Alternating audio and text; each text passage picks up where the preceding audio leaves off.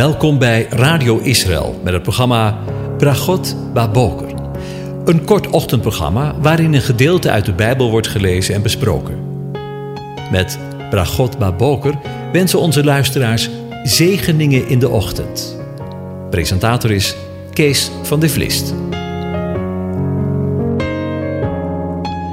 Goedemorgen, Bokatov, beste luisteraars. Vanmorgen gaan we weer verder door na te denken over Psalm 104 en daarvan lees ik de eerste negen versen. Loof de Heere mijn ziel. Loof de Heere mijn God. U bent zeer groot. U bent met majesteit en glorie bekleed. Hij hult zich in het licht als in een mantel. Hij spant de hemel uit als een tentkleed. Hij maakt de zoldering van zijn hemelzalen op de wateren. Hij maakt de wolken van zijn wagen, wandelt op de vleugels van de wind. Hij maakt zijn engelen tot hulpvaardige geesten, zijn dienaren tot vlammend vuur. Hij heeft de aarde gegrondvest op zijn fundamenten. Die zal voor eeuwig en altijd niet wankelen. U had hem met de watervloed als met gewaad bedekt. Het water stond boven de bergen. Door uw bestraffing vluchtten ze. Ze haastten zich weg voor het geluid van uw donder. De bergen rezen op, de dalen daalden neer, op de plaats die u ervoor bestemd had.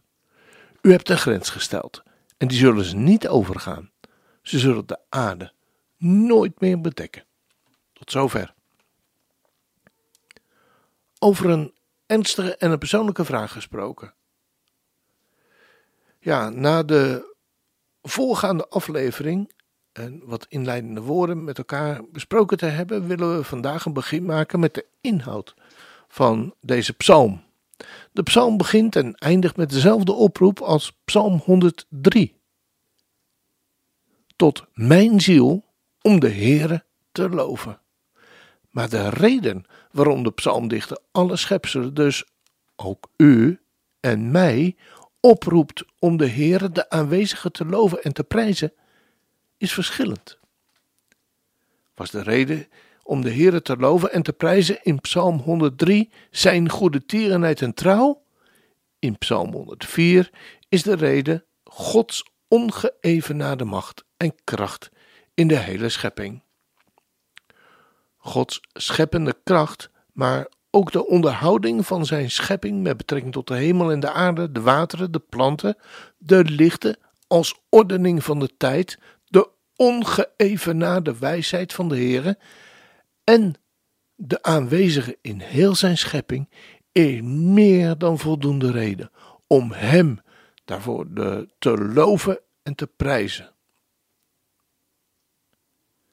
Wanneer ik de woorden van Psalm 104 diep tot me door laat dringen, kom ik onder de indruk van Zijn macht en majesteit.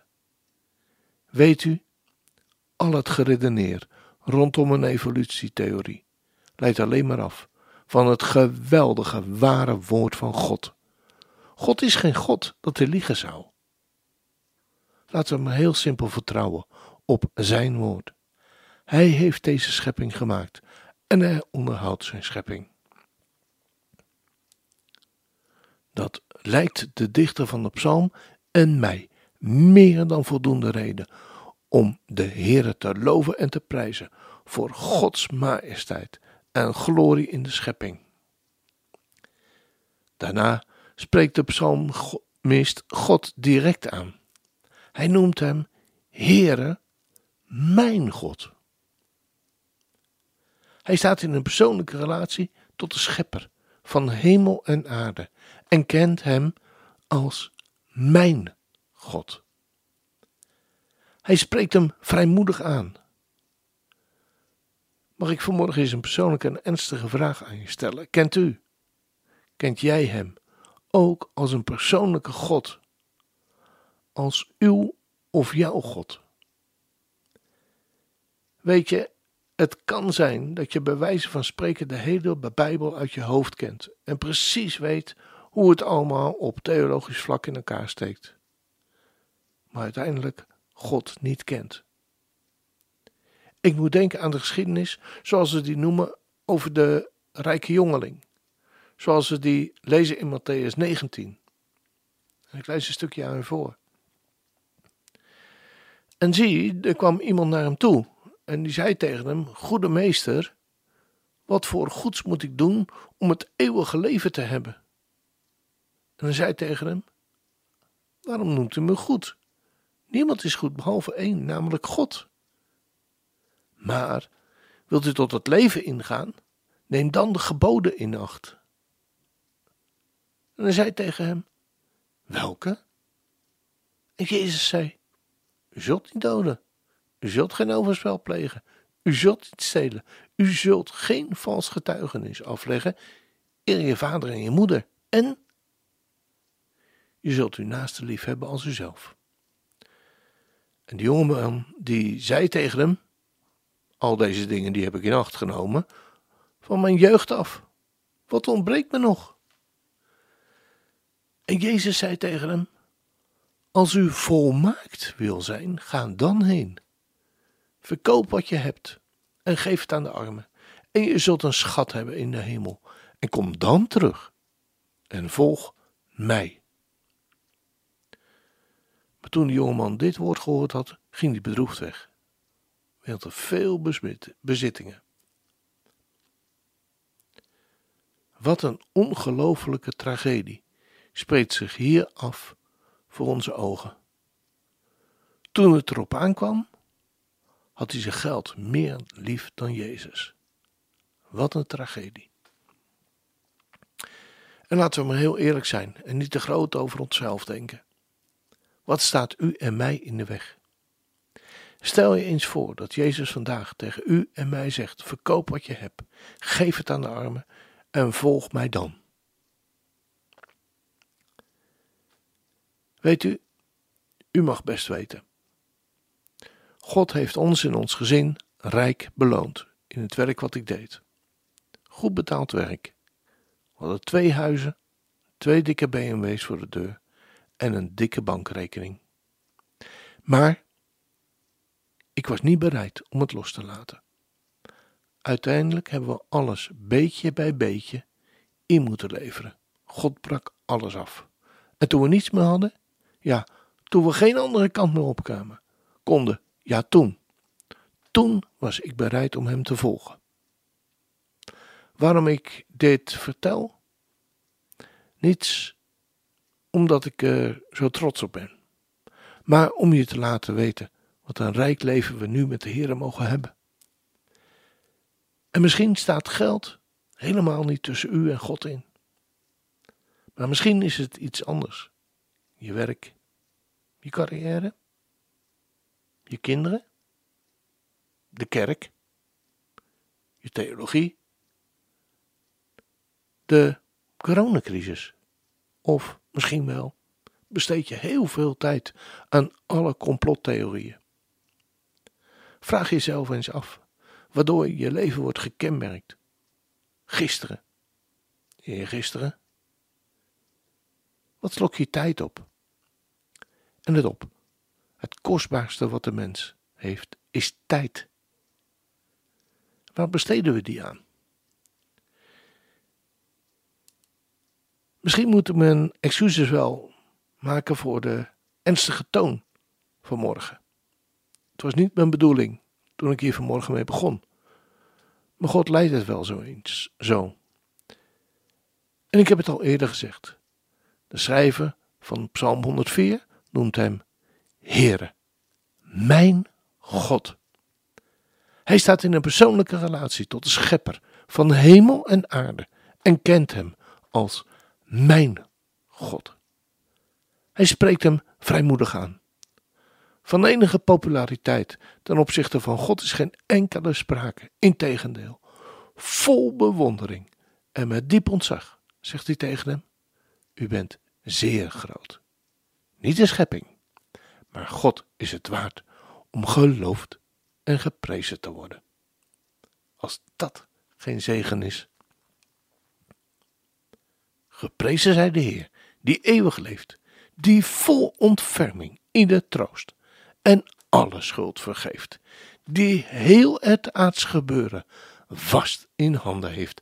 Hem, zei de glorie, want hij die overwon zal nooit verlaten wat zijn hand begon. Halleluja, geprezen zij het lam, dat de schuld der wereld op zich nam. Verdreven is de schaduw van de nacht, en wie hem wil aanvaarden, wordt eens veilig thuisgebracht. Voor hem geldt ook dit wonder. Alles is volbracht. Hem zij de glorie, want hij die overwon, zal nooit verlaten wat zijn hand begon. Halleluja, geprezen zij het lam, dat de schuld der wereld op zich nam.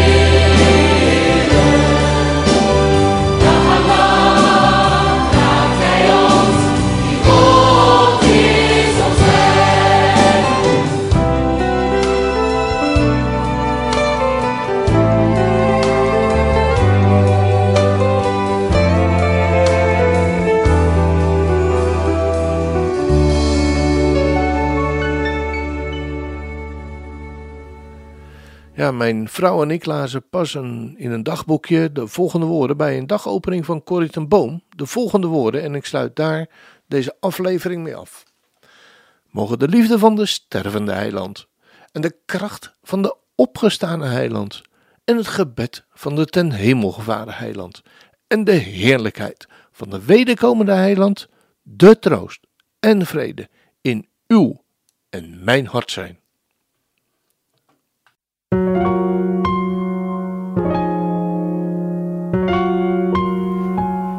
U hebt geluisterd naar het programma Bragot Baboker. Een kort ochtendprogramma waarin een gedeelte uit de Bijbel wordt gelezen en besproken. Wilt u het programma nog eens naluisteren, dan kan dat. Ga naar radioisrael.nl en klik onder het kopje radio op Uitzending gemist.